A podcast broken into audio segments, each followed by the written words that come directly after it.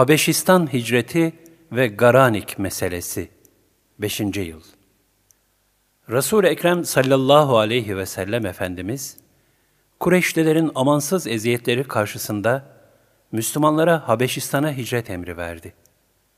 Çünkü onlar dini vazifelerini hür ve serbestçe yapamıyorlardı. Ayrıca dini yayma vazifeleri de vardı.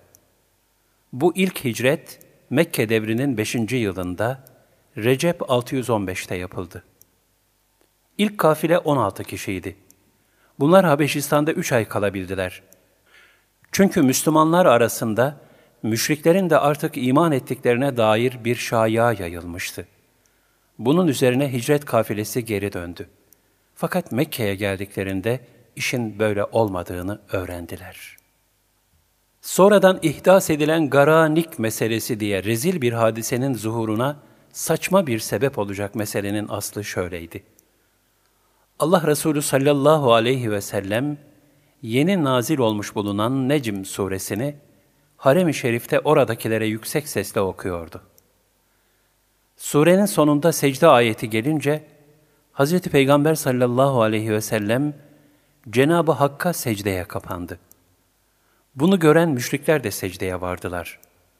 Ancak onlar surenin içinde geçen putlarının isimleri dolayısıyla Hazreti Peygamber'e karşılık Allah'a değil, kendi putlarına secde ediyorlardı. İşte Mekkeli müşriklerin İslam dinine girmiş olduğu şayasının sebebi, Müslümanlarla müşriklere ait olan şu ayrı ayrı iki secdenin aynı zamanda yapılmış olmasıydı. İşin aslı sadece bundan ibaret olup ortaya da çıkmış bulunmasına rağmen, sonraları garanik denilen bir mesele ortaya atılmıştır. Güya şeytan ayetlerin arasına putların şefaati umulacağı manasında bir fısıltı eklemiş, müşrikler de buna memnun olup secdeye varmışlar. Fakat yanlışlık sonradan anlaşılmış.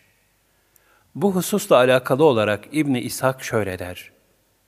Garanik kıssası zındıkların yalanlarındandır.